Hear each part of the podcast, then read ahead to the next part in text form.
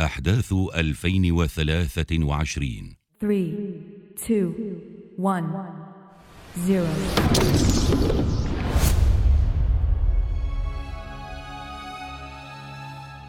نحن الآن في العام 2023 الذي يوشك على نهايته. ومع أنه يبدو تقريبا كباقي الأعوام التي سبقته إلا أنه حمل معه العديد من الأحداث الهامة جدا. والتي كان من شأنها تغيير الكثير من الأمور على أرض الواقع. هذه الأحداث تنوعت بين السياسية والاقتصادية والعسكرية وحتى الصحية وجميعها معا كانت تصب في بوتقة العام 2023 حسب الترتيب الشهري سنتناول أهم وأبرز محطات هذا العام وصولا إلى نهايته. كانون الثاني لولا دا سيلفا. يعود لحكم البرازيل. من قاع الفقر إلى كرسي الرئاسة.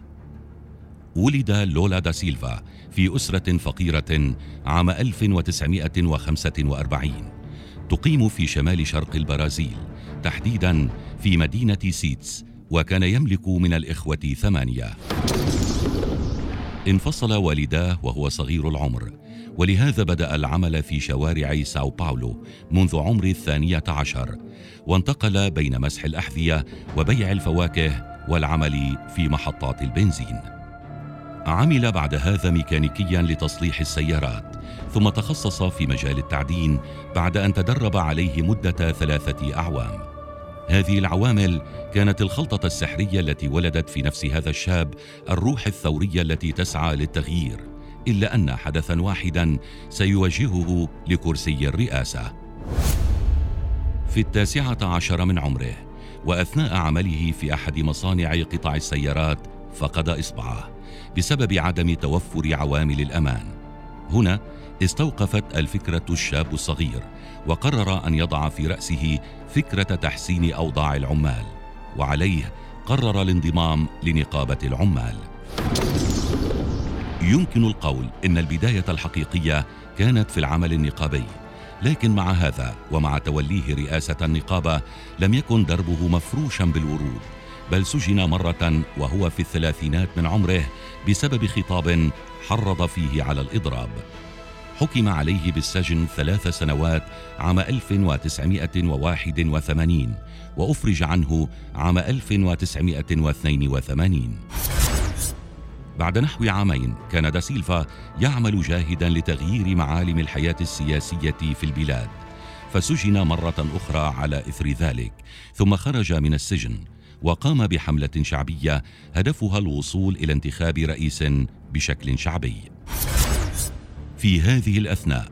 داعب حلم الرئاسة رأس لولا لكن الحظ أخلفه فخسر في أولى انتخاباته بعد أن تم التخلص من الحكم العسكري وكان هذا في عام 1989 لم تكن هذه الخسارة الوحيدة بل في العامين 94 و 98 كان قد رشح نفسه نيابة عن الحزب الذي أسسه. ومع هذا خسر في كلا المرتين من الدور الأول. تحقق الحلم.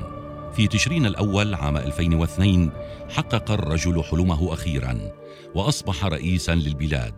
ثم أعيد انتخابه مرة أخرى عام 2006 وانتهت ولايته في العام 2011 وهو يتمتع بشعبية ساحقة.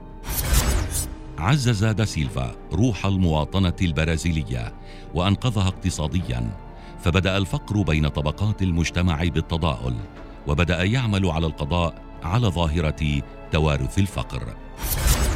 ومع هذا لاحقت الرجل تهم الفساد عن طريق فضيحتين أولهما محاولة شراء الأصوات في الكونغرس وثانيهما عقود بملايين الدولارات من شركات البناء والنفط وعليه حكم عليه بالسجن لاثني عشر عاما.